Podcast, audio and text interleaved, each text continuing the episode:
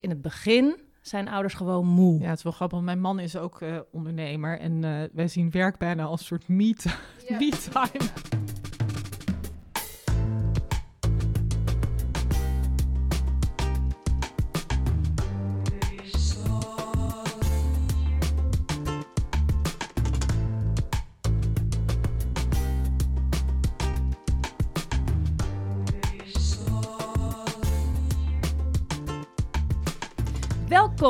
Bij de tweede aflevering van Mom You Can, de podcast van de Club van Relaxte Moeders. Voor iedereen die werk en moederschap combineert of wil combineren. Ik ben Elsbeth Teling, ik ben de oprichter van de club, schrijver en moeder van Kate en Teun. Deze podcast hoort bij het boek Mom You Can en in dat boek bespreek ik negen succesfactoren die zorgen voor meer geluk in werk en moederschap. Nee, jij bent heus niet de enige die zich wel eens afvraagt of je het allemaal wel goed doet en hoe het in vredesnaam beter kan. Maar als me iets duidelijk is geworden in de tijd die ik besteedde aan onderzoek en interviews voor dit boek, is het wel dat we sterker worden van het delen van elkaars ervaringen. Ik geloof dat het mogelijk is om balans, geluk en heel veel plezier te hebben in werk en moederschap, ook voor jou. Als je een verhaal hebt, een opmerking of een tip die je wilt delen door iets wat je hoort in deze podcastreeks, dan nodig ik je daar dan ook van harte voor uit. Je kunt me als volgt bereiken, bijvoorbeeld via de besloten Facebookgroep Mom You Can. Of je kan me natuurlijk altijd mailen op elspet.clubvanrelaxtemoeders.nl Vandaag gaan we het hebben over de tweede succesfactor in mijn boek en dat is positief zijn. Ehm, we, dat zijn deze keer mijn co-host Milou van Beek en ik. Ha, Milou. Hi. Goedemorgen. Goedemorgen. Milou en ik die hebben elkaar zo'n zes jaar geleden. Nee. ik zei zes, maar dat is ge- volgens Milou. Tijd vliegt. Tijd vliegt al negen jaar geleden eh, leren kennen via Twitter. En ehm, sindsdien kunnen wij heel goed met elkaar sparren, eigenlijk over teksten, maar ook over het moederschap en over werk en, leven. ehm, en over het leven en eh, dat soort dingen. Milou is auteur, journalist, eh, blogger voor de Club van Relaxte Moeders en moeder van Otis van 12 en Nina van 8. Morning. Volgens mij vond je het wat vroeg vanmorgen. Het was een beetje vroeg. Het regende een beetje. Het regent een beetje. Even een introductievraag voor de mensen thuis. Hey, eh, wanneer dacht jij voor het laatst dat je een eh, hele slechte moeder was? Jeetje. Eh, eigenlijk elke ochtend wel. In het kader van dit onderwerp positief, Positief zijn. zijn, ja. Nee, ik moet nu wel denken aan zaterdagavond. Toen hadden we Wie is de Mol gekeken, zoals we elke zaterdagavond doen. En toen had ik mijn dochter in bed gelegd en die had ook een nieuw bed. Dus ik dacht, het is allemaal leuk en gezellig. eh, Ik kan, ik kan lekker in het nieuw bed slapen. Maar toen wilde ze niet slapen en toen was ik super geïrriteerd. Waardoor zij moest huilen. toen zat ik, het is ah, allemaal goed gekomen natuurlijk. Toen zat ik beneden op de bank dacht ik, moest dat nou zo? Ja. Kon ik dat niet nou wat Ja. rustiger aanpakken? Het mooie is dat er dan bij jou altijd wel weer een mooi blog uitkomt. Dus ik Ja, wilde toch een week, positieve ja. draai geven. Houd de zondag in de gaten Ja. dat Milou blogt. Ja. Oké, ehm, super tof dat je erbij bent, Milou. Wij praten vandaag met Gemma Broekhuis. Aan de hand dus van het tweede succesfactor van Mom You Can. Hoe word ik een optimist? Ehm, Gemma hebben we uitgenodigd. eh, nou, jij eh, kende haar al. Je hebt haar bij mij geïntroduceerd. Omdat Ja. zij een, een van de grootste optimisten is die jij Ja. kent. Hè? ja. Dus eh, welkom, Gemma. Dankjewel. Leuk dat je er bent. We beginnen even met een paar facts en figures over jou. Nou, wie ben je? Gemma Broekhuis. Dank je. Dank je. Eh, hoeveel kinderen heb je en in welke leeftijden? Ja, ik heb drie jongens eh, van vijf, zeven en negen. Vijf, zeven en negen. Aardig setje. Ja. Ehm, waar zijn ze op dit moment? Eh, eentje is ziek thuis, dus ik eh, moest even eh, wat regelen om hier te kunnen zijn. Want eh, eh, ik, ik dacht, nou, ik kan wel thuis werken. En, eh, maar toen was ik heel even deze afspraak vergeten. dus Maar- toen kon ik snel mijn man eh, eh, laten komen. Ja, dat heb je wel als een eh, optimist heel snel opgepakt. En Ja. eh, toen was je ook hier zo. Ja, Ja. ja. nou hij is ook al, het was wel de oudste, dus ik kon hem ook wel even een half uurtje alleen thuis laten, terwijl mijn man onderweg was naar huis. En het kwam wel goed uit dat hij geen afspraken had, dus hij, eh, hij was ook in staat om even naar huis te Ja, komen. en de andere twee zitten op school. Ja. Oké, dus dat zijn de kinderen. Wat voor werk doe je? Ik heb een bedrijf Milestone en dat is, eh, eh, daar ben ik acht jaar geleden mee begonnen ongeveer. Iets, iets daarvoor het idee gehad, maar acht jaar geleden eh, echt gestart met mijn eerste product. En dat product, ons meest bekende product en mijn eerste product was een setkaart waarmee je alle mooie momenten van het eerste jaar van je baby op de foto kan vastleggen. En volgende vraag. Hoeveel uur per week werk jij daaraan? Eh, ongeveer, ja, eh, fulltime plus zeg ik altijd maar. Dus Ja. eh, ik, ik ben wel flexibel, zoals vandaag ook. Dus ik, ik, ik ga elke dag naar kantoor in principe. Ik heb dan één middag in de week dat ik de kinderen van school haal. Maar als er wat is met een oppas of zo, doe ik dat ook lekker. Dan grijp Ja. ik mijn kans. Maar dat haal ik dan wel in de avonduren vaak weer in. Ja, en je kantoor is niet aan huis. Is, eh, nee, niet in, nee, in de pijp zitten we in En- Amsterdam. Oké, en dat is hoe ver van je huis moet je dan elke Eh, ja, ik heb de een soort eh, golden circle. Dus ik kan. eh, het- de, het is een soort driehoek van ongeveer eh, 10 minuutjes van huis en school en werk. Waarin ik Oh ja. alles fietsend. eh, Oh ja, dat eh, doe. klinkt redelijk ja, ideaal. Ja, dat is Ja. echt ideaal. Ja. Ja. Dankjewel. Ja. De rest komt straks allemaal. Ehm, we gaan het dus hebben over de succesfactor positief zijn.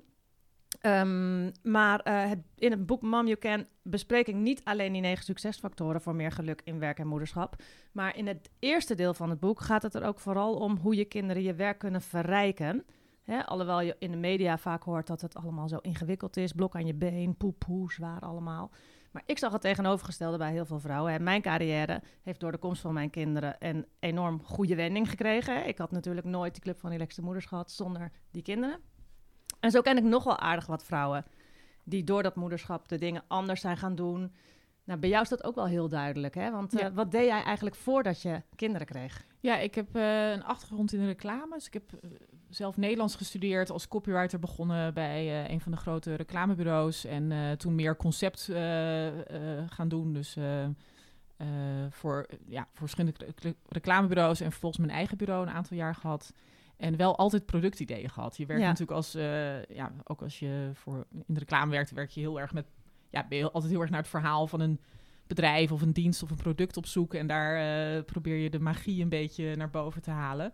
Maar daardoor had ik zelf ook altijd daar onwijs veel. ehm, ja, het leek me echt het, het ultieme dat je dus zelf iets in de markt zet en Ja. dat dat eh, bestaansrecht heeft en dat mensen dat willen hebben. Dat leek me altijd het allermooiste wat er was. En eigenlijk door de komst van mijn oudste zoon eh, kwam dat idee van de kaarten eh, naar boven. En ik had wel vaker ideeën voor producten, maar dit was echt eentje waarvan ik dacht, oh dit, ja, dit zou best wel eens iets kunnen zijn waar andere mensen ook op zitten te wachten.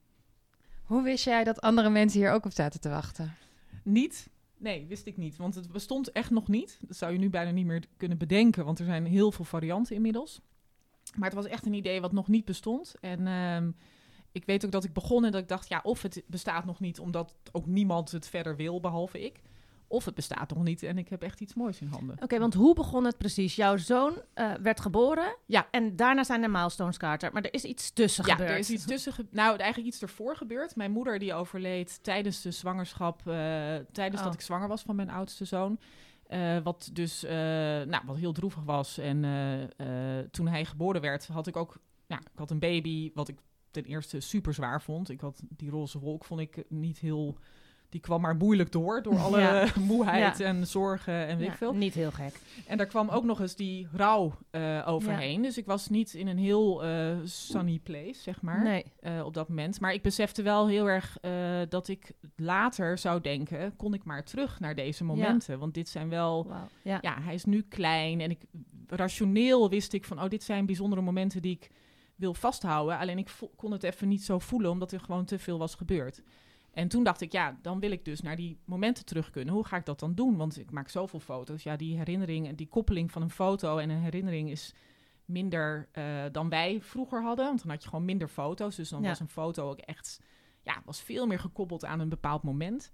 En ehm, dus ik had heel erg behoefte om sommige foto's meer waarde te geven. Om er iets aan toe te voegen, waardoor het gewoon een sterkere herinnering werd en Ja. beter werd verankerd in, eh, in een soort eh, ja, return ticket naar dat moment toe. En hoe deed je dat toen? Toen deed ik het door gewoon echt, eh, ook niet eens heel mooi of zo, maar gewoon kaartjes te schrijven met, met, een, met een zwarte stift, zeg maar, van wat er op dat moment was gebeurd. Dus dan legde ik bijvoorbeeld naast Mikkel, had hij zich voor het eerst omgerold, had ik opgeschreven, ik rolde me net voor het eerst om en dan de datum erbij en daar een foto van maken. En dat was, dat was het begin. En dat idee in de kern is gewoon het idee Ja. van Milestone. Van hoe zorg ik nou dat ik herinneringen sterker maak, zodat ik ze later, ja, er later naar terug kan. En inmiddels kent iedereen ze volgens mij wel. Ik Ja, heb namelijk tegen een heleboel wel. mensen gezegd van de week dat, ik, dat we met jou deze podcast gingen maken. En dan zeiden ze, oh ja, nee, dat ken ik wel. Ja, Ja, nee, het is, het is eh, het, het- zeker vanaf het begin. eh, nou, uiteindelijk was het begin nog steeds wel heel eh, geleidelijk hoor. Ik bedoel, het, het voelt dan terugkijkend alsof het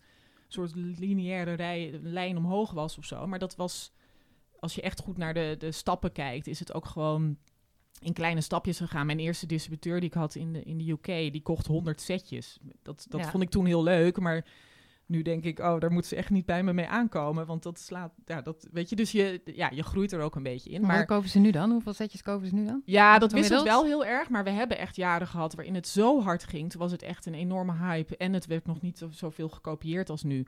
Dat we, ja, dat zij echt voor een ton inkocht of zo. Per, en dat dan een paar keer per jaar. Dus dat was echt eh, de good, the good days.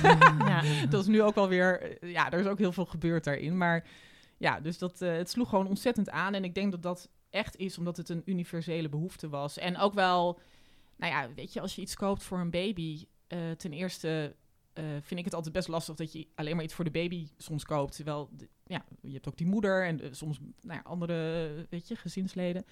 En dat was ook wel heel mooi eraan. Het is, een, het is een fysiek iets wat je geeft, maar je gaat er iets heel moois mee doen. Het is Ja. een tool, zeg maar. Dus dat sloeg heel erg aan. Ja. Ja.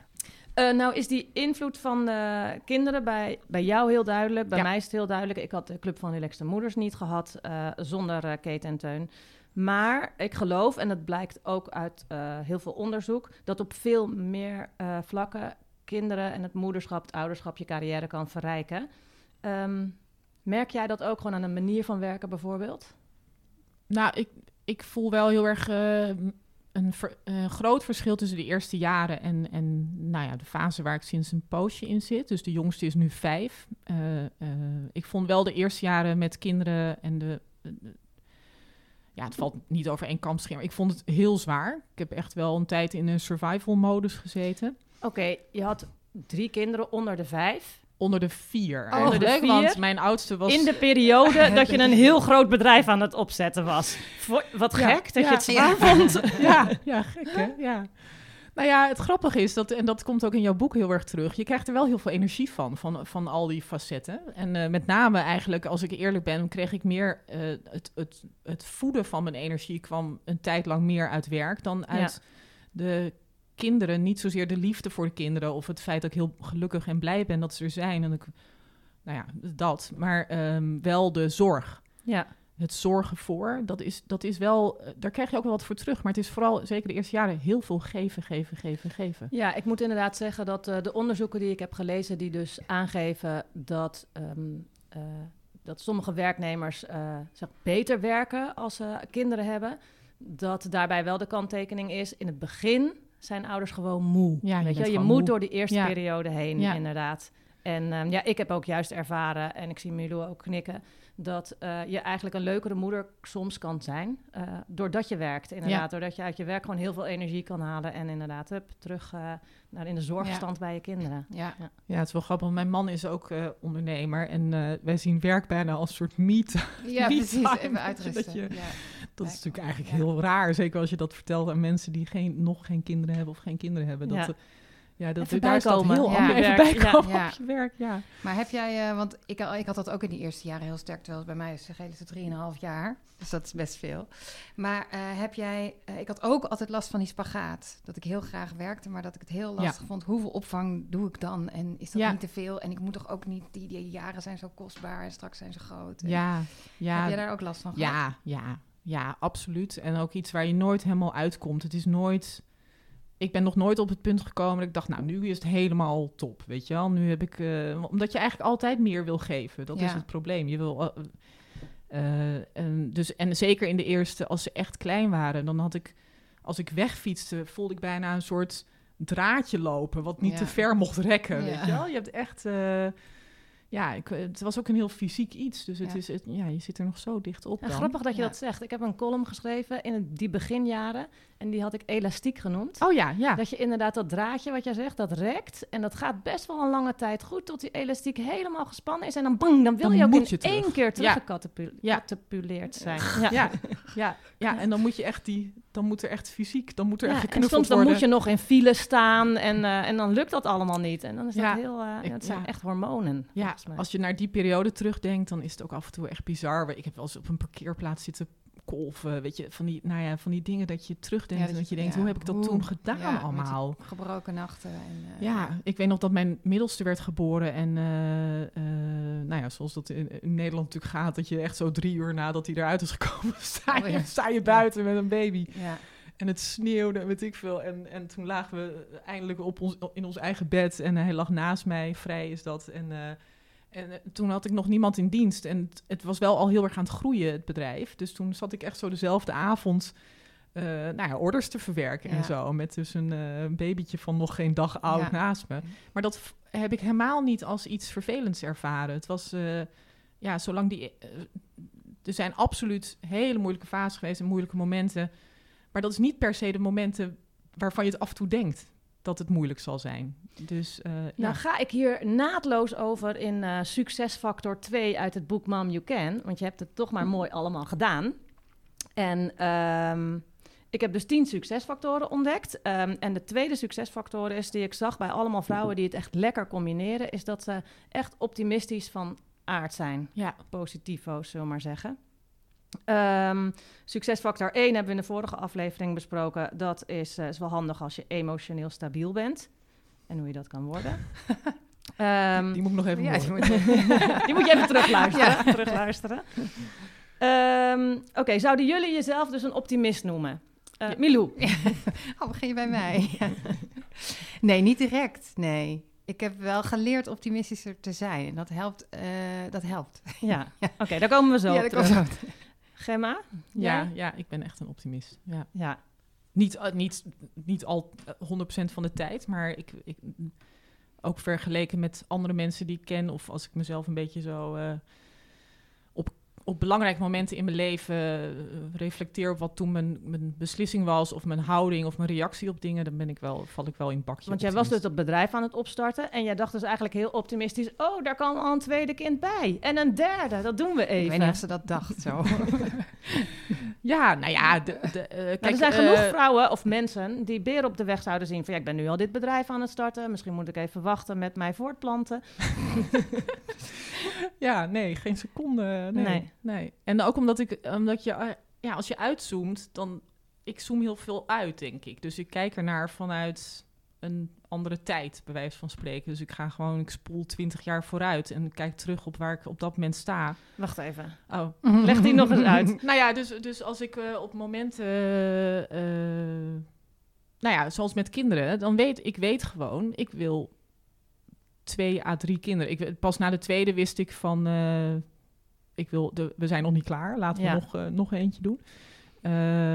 De, maar dat is, ik, nou ja, het is een beetje vooruit eh, terugkijken vanuit een ander perspectief. Dus dat je terugkijkt van, stel je bent over 10 jaar, 20 jaar, 30 jaar, wat zou je dan op dit moment, ha- wat had je dan willen doen? Ja, Dat creëert een soort ehm, afstand naar jezelf, waardoor je wat, eh, het wat, ook met wat meer ruimte bekijkt, zeg maar.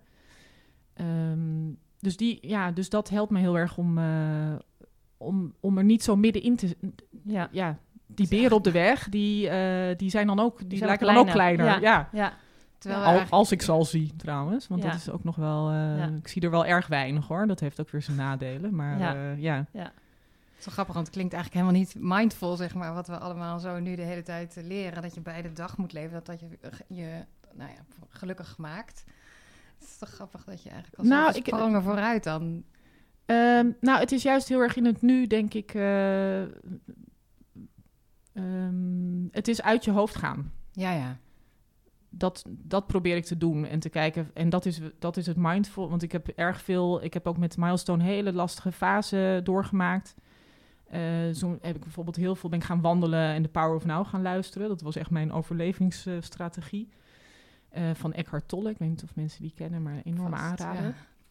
En eh, daar staat niet in van denken over twintig jaar en terug. Maar er staat natuurlijk wel heel erg in van ja, accepteer wat er is. Accepteer wat er is en bied geen weerstand naar wat er is. Eh, ga ook niet jezelf vastzetten in de modder, zeg maar. Want je mag wel dingen willen, je mag vooruit willen.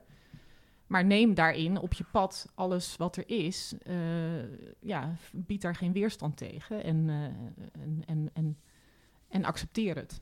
En ik denk dat daar, nou ja, de vraag van, ik heb geen seconde gedacht van, zullen we nou wel of niet nu zwanger worden? Los van het feit dat bij de eerste zwangerschap het ruim twee jaar duurde voordat ik zwanger was. Dus die, die- ik voelde ook helemaal niet dat dat heel erg aan mij was om te Ja. denken, nou, eh, nu ben ik er klaar voor, kom maar, nummer Nee. twee of zo. Dus eh, ja.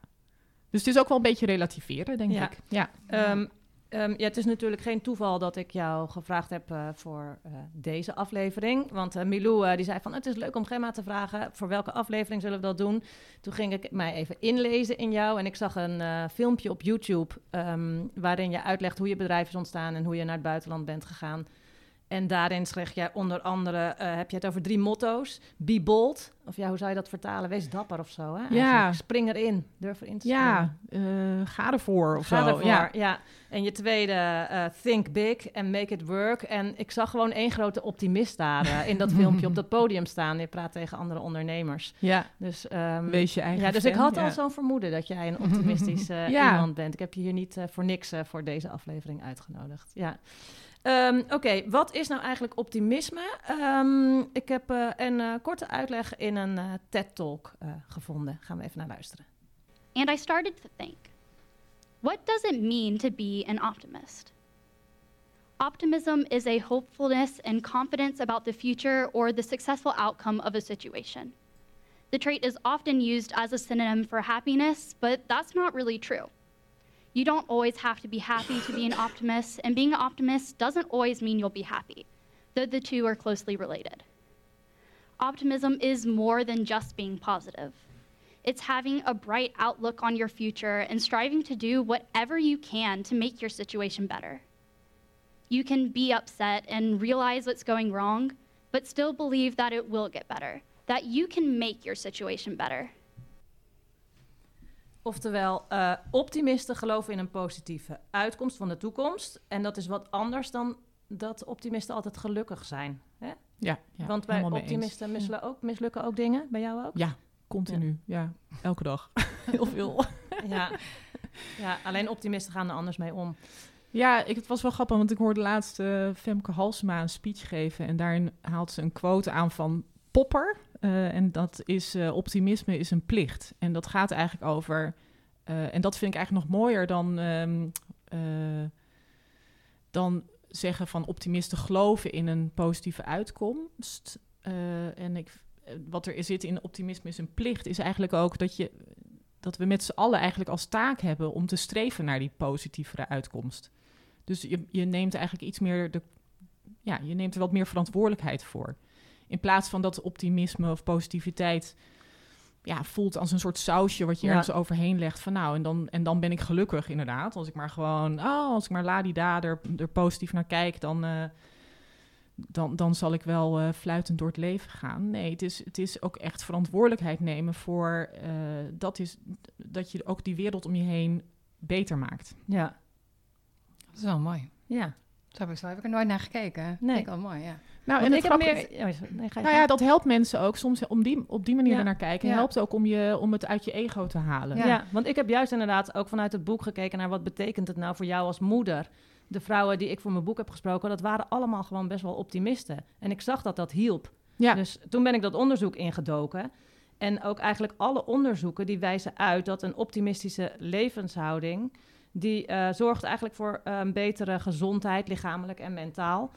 En eh, betere relaties en voor meer succes in werk en studie. En ehm, ik zag onlangs in een artikel dat optimisten ook langer leven. Dus, eh, Oh, ja, kijk. dus dat is eigenlijk... Maar jij Maar dat is ook- het dat- breder inderdaad. Dat is ook mooi. Ja, nou, ik kan me voorstellen, als je streeft, als je het ziet als een nou, ja, plicht, eh, als je het ziet als iets wat je ook voor je gezin en voor, je, voor de wereld op je neemt, zo van, dat, dat, is, mijn, dat is ook mijn, mijn, mijn taak op aarde, om, spreken, om, om dat te brengen. Dat betekent ook dat je beter voor jezelf zorgt, dat je beter voor mensen om je heen zorgt, Ja. qua Ja. eten, qua sporten Ja. misschien. Ja. En, want denk jij dat jij ze, was je ook een blij kind?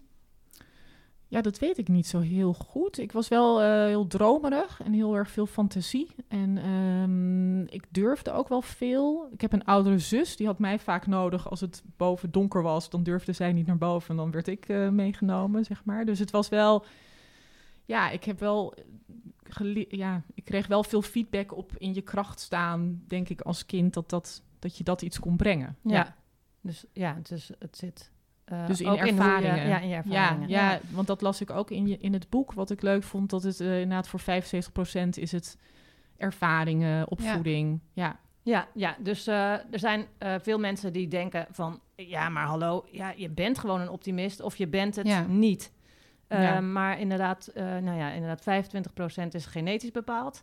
Ehm, en de rest is eh, door wie je om je heen hebt bepaalt nogal veel. Hoe je ja bent, en het, je en, het gewoon gaan, eh, Ja. en het gaan toetsen. Dus op het moment dat je jezelf een week lang de opdracht geeft... om bijvoorbeeld ehm, bij iedereen die je tegenkomt... die waarvan je denkt, oh, die doet onaardig tegen me... of die is bot of weet ik veel. Dat je juist eh, dat je je reactie aanpast. Dus dat in plaats van dat je dat gaat spiegelen... en dan ook bot en onaardig gaat doen... waarmee je eigenlijk ja.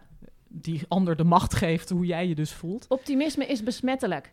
Nou ja, Ja, je gaat ervaren wat het je kan brengen. En het Ja. gaat, je gaat ook ervaren, en dat is een beetje dat praatje wat jij hebt gezien, is alweer van een paar jaar geleden. Ik zou nu alweer andere dingen aanhalen. Een van de dingen waar ik heel erg mee bezig ben de laatste tijd is dat we eigenlijk allemaal, ja, dan heb ik weer even een Engels, ik weet niet waarom dat altijd in het Engels moet, maar ehm, we're all work in progress. Dus we zijn allemaal continu in ontwikkeling. En als je dat beseft van jezelf, maar ook van anderen, dan besef je ook, ja, die ander zit ook op een pad in ontwikkeling. En als Ja. jij daar ik was laatst, nou ja, ik weet niet of ik hier even helemaal over moet uitweiden, maar ik was laatst bij eh, mijn bakker.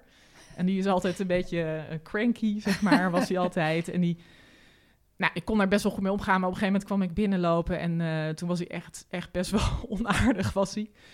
En in plaats van dat ik dacht, nou, weet je, waar moet je nou zo onaardig zijn tegen mij en het helemaal persoonlijk maken en zo.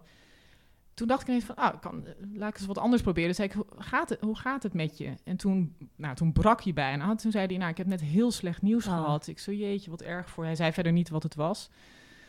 Eh, maar dat was ook zo'n echt zo'n moment. En ik denk dat als je dat gaat ervaren, wat er op zo'n moment met hem, met mij gebeurt, hoe je dan de dag Ja, anders gaat beleven door Ja. even bewust te zijn. ja.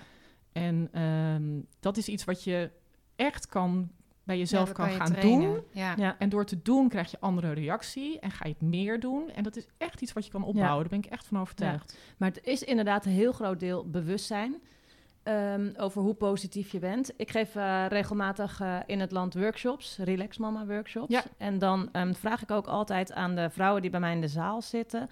ehm, ga een minuut lang vertellen aan je buurvrouw... waarom jij de beste moeder van de wereld bent. Hè? Dus geef jezelf een minuut lang complimenten. Ja. Maar Moeilijk. iedereen wordt gek. Ja, Ja. het is echt super makkelijk om te zeggen wat we allemaal verkeerd doen. Dat als ik dat had gevraagd, dan hadden ze... Nou, eh, ik, kan, nou ik kan even zo snel niks opdoen als positief, als optimist.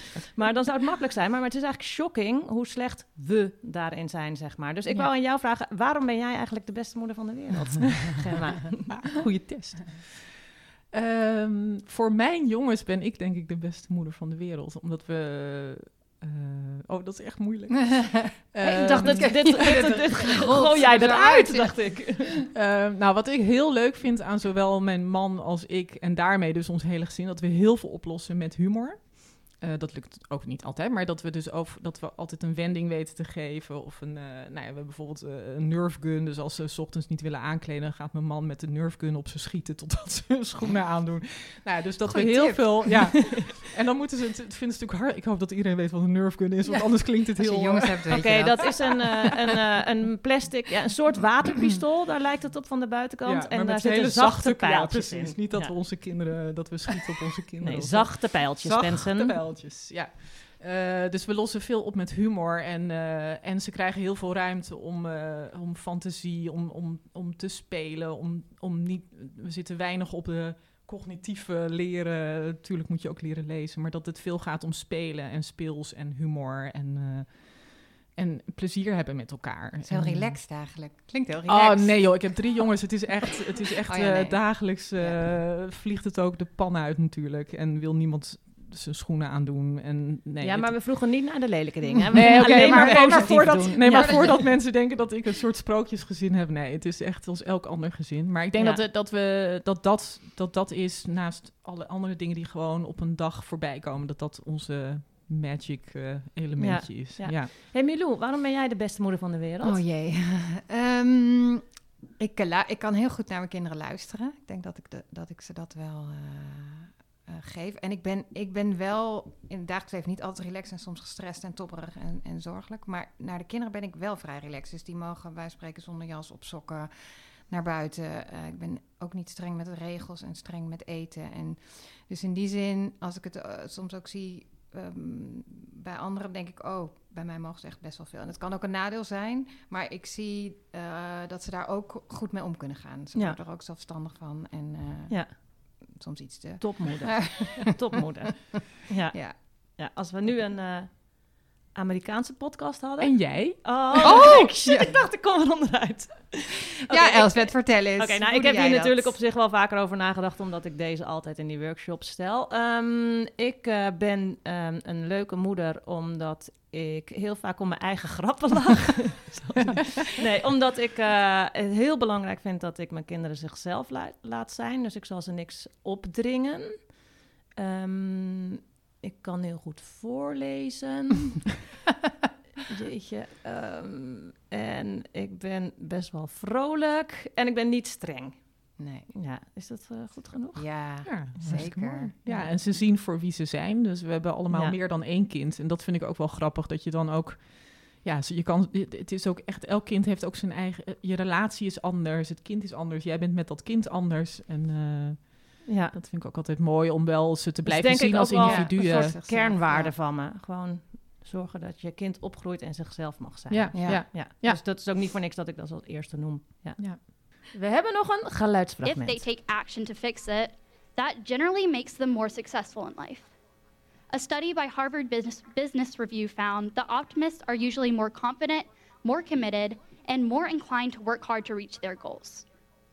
They are the ones that get the farthest in life and usually end up the most content.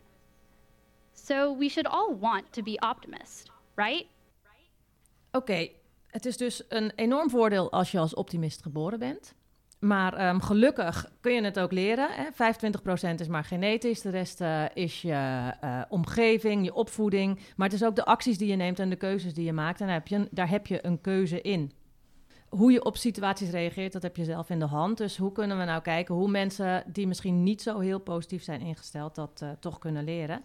Ik eh, heb gemerkt dat er drie dingen belangrijk zijn. En jij noemde al eh, iets, Gemma. Punt 1 is bijvoorbeeld accepteer het moment waar je nu in zit. Ja. Inderdaad. Het is wat het is. Hè? Bijvoorbeeld als, als je moeder bent, dan kan je wel klagen over... oh, ik zie mijn vriendinnen zo weinig, ik heb zo weinig tijd ervoor. Ja, het is nu eenmaal zo. En dat zag ik inderdaad ook bij de, alle vrouwen die ik heb geïnterviewd. Die zijn echt best wel goed in accepteren. Ik denk dat ik dat in het begin niet zo goed heb gedaan. Dan wilde ik er nog tegen vechten eigenlijk, Ja. dat mijn leven veranderd was. Herken je, Ja, heel erg. Ja, ik was al heel eigenlijk mijn halve leven aan het vechten, denk ik nu wel eens.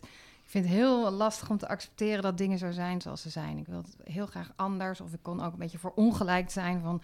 waarom heb ik dit nou? Waarom overkomt mij dit nu? En inmiddels weet ik dat dat echt het laatste is wat je moet doen. Want het, het helpt, je geen, helpt je niks verder.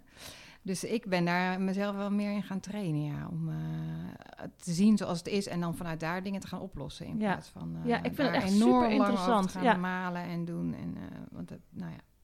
Dus accepteren dat een Ja. situatie niet zo positief altijd is. Ja, Dat heeft te maken met optimisme. Maar je Ja. zei net zoiets, dus herken je dat, Gemma? Nou ja, het grappige is natuurlijk dat op het moment dat je eh, een situatie eh, gaat labelen als eh, negatief of niet goed, ja, daar is natuurlijk niks optimistisch aan. Nee, en er is ook niks aan te veranderen, want je zit er nou eenmaal in. ja. Ja, niet, nogmaals, dit is iets wat ik eh, zeker in die eerste jaren, zeker voor mensen die dit horen, die met baby's zitten, nou, ik weet niet, dan moet je bijna verlicht zijn, wil dit lukken. En dat komt ook doordat er dan zoveel is veranderd van... eh, Sommige mensen zeggen wel eens van ja, ik vond van één naar twee kinderen het zwaarst. Ik vond echt van nul naar één kind het allerzwaarst. Omdat Ja, ik ook. alles verandert. Je relatie, je, je, je, je, hele, eh, waar je, nou ja, gewoon alles. Dat weet iedereen die dit luistert. Alles verandert. Eh, eh, het is, je bent moe, nou ja, alles wat we net al noemden. Dus ik denk dat het te veel gevraagd is om in die fase eh, te zeggen: Oh, laat ik nu eens even mezelf ook nog eens gaan afrekenen op hoe positief ik in het leven sta. Omdat dat ook niet de positieve manier is om er naar te, of optimistische Nee. manier is om naar te kijken. Dus het toch, ja, nou ja, dat is toch voor mijn gevoel een survival fase geweest. Ja. Alleen terugkijkend denk ik: Oh ja, wat is dan, wat is dan goed geweest? Wat heeft me dan er doorheen geholpen? Dat is dan toch het relativeren, het beseffen wat, het, ja, wat er goed aan is, wat, wa- waarvoor je het doet, wat je ervoor terugkrijgt. Dat je die kinderen, dat de optie eh, ze, dat ze er niet zijn, is, is, is al helemaal niet wat je wil, dus dit is het. Ja. Dus het is ook een beetje uit, eh, het uit elkaar trekken Ja. van dingen. Het tweede belangrijke ding voor optimistischer zijn is anders met negatieve om- eh, gedachten omgaan. Ja. Ik heb wel geleerd inderdaad om het, ehm, hoe heet dat? Om het de- op te merken dat Ja, je aan het piekeren bent. en dan ja. vervolgens die piekergedachten niet zo serieus te nemen. Ja. Om te denken, oké hoofd, bedankt voor deze gedachte. En je gaat gewoon weer lekker door in plaats van het te zwelgen en het eigenlijk stiekem wel lekker te vinden of zo. Dat je aan Nou, het dat is het, bent. ja. En, en inderdaad, wat mij ook heeft geholpen, is dan ook me te omringen met mensen die niet zo piekeren. dus die Ja. wat meer van de actie zijn. Want die helpen mij, eh, bijvoorbeeld Elsbeth en ik heb nog wat mensen om me heen, die helpen mij heel erg om daar uit te trekken. En door dan, die zeggen, volgens mij moet je dat gewoon doen. Ja. En dat heb ik toch een beetje nodig soms om, eh, ehm, om een stapje te zetten. Toch een beetje aanmoediging van. En dan doe ik het en dan merk ik, ja, je moet het dus ook gewoon doen. En het geldt voor bijna alles. Maar ik denk Ehm. dat dat ook, eh, wat je nu zegt, ook wel juist weer de uitdaging is van die eerste periode. Want dan zit je ook in, vaak in je eentje thuis met een baby in een Ja. soort loop waar, Waar, Ja. waar je niet uitkomt. waar je niet Ja. uitkomt. Dus ook dat is iets. En misschien hoort dat er ook wel een beetje bij of zo, dat je daar even doorheen gaat. Ja. En daar komt natuurlijk weer, wat- weer wat ruimte in en wat andere input in op het moment dat je weer de buitenwereld wat meer ingaat. Daarom vond ik het ook echt fijn om weer te gaan werken. Want dan komt er gewoon. Al, weet je, we zijn toch ook wezens waar input in gaat. En dan komt er weer wat uit. Je kan niet alles uit jezelf halen. En op het moment dat dat, nou ja, dat je dus je werk hebt en collega's en dingen die, die je ook, nou ja, ander, dat er dus een diversiteit is aan dingen in je leven Ja. en die Ja. je doet en waar je, belang, eh, waar je belangrijk bent voor anderen. Daarom is het zo zonde eigenlijk dat we Google hebben, denk ik wel eens. Zeker in die eerste maanden. Want ik ging bijvoorbeeld heel veel googlen. Nou, daar word je echt niet per se blijer van of zo. De- waar je blijer van wordt is of hulp zoeken of met vriendinnen of inderdaad gaan werken. Of daar inderdaad Het je weer echte naar, contact. er, erbuiten, Ja. ja. Ja, Ja. naar buiten gaan. Ja. ja. Ja, blijheid. Dus nummer Ja. drie. Hè? Dus accepteren, eh, anders met negatieve gedachten omgaan en cheerfulness. Blijheid, dat is de beste strategie voor het leven, wordt, eh, wordt gezegd. Accepteer dat een positieve houding de beste strategie is in het leven. Ehm, en geloof je dat eigenlijk echt? Hè? Je moet het dan echt accepteren. Ja, dat- want dat vind ik wel Ja. een lastige. Maar daar hielp jouw eh, argument net ook wel bij, wat je vertelde. welke? En dat jij het breder trok. Eh, waar had je het nou ja, van? nou ja, ik, Zal, ik dacht nog wel bij dat... Het is niet eh, alleen voor bij jezelf, maar dus eigenlijk voor, voor iedereen. Voor Ja, je ja, omgeving, ja. voor de maatschappij. Is cheerfulness, vrolijkheid. Ik vind die nog wel lastig, want dat vind ik altijd zelf wel eentje. de- eigenlijk komt die voort uit die andere, vind ik. Dus op het moment dat je gaat letten op. eh, dus cheerfulness kan ook zijn als bij die bakker dat ik vraag: gaat Ja. het wel met je? Ja. Dat is niet van, Ja. ah, kijk, mij is blij door een Nee. met bloemetjes huppelen of zo. Maar het is een soort. En dan merk je dat je daar geluk. Dat je zelf daar ook eh, dus geluk eh, Ja. door voelt. Wat ik nog bij die tweede wou zeggen, is wat mij heel erg ook heeft geholpen, is relativeren. Dus echt gewoon de hele tijd. Ja, het klinkt heel stom, maar ik kom uit Groningen, dus eh, het, kon, het kon slechter, Ja. zeggen we daar. Ja. Ja, zoiets. En dat, ja, dat, dat helpt ook wel. Dus nou ja, het voorbeeld van mijn moeder die overleed. Ja, een van mijn beste vriendinnen heeft haar moeder overleden, verloren toen, zij, eh 18, toen wij 18 waren.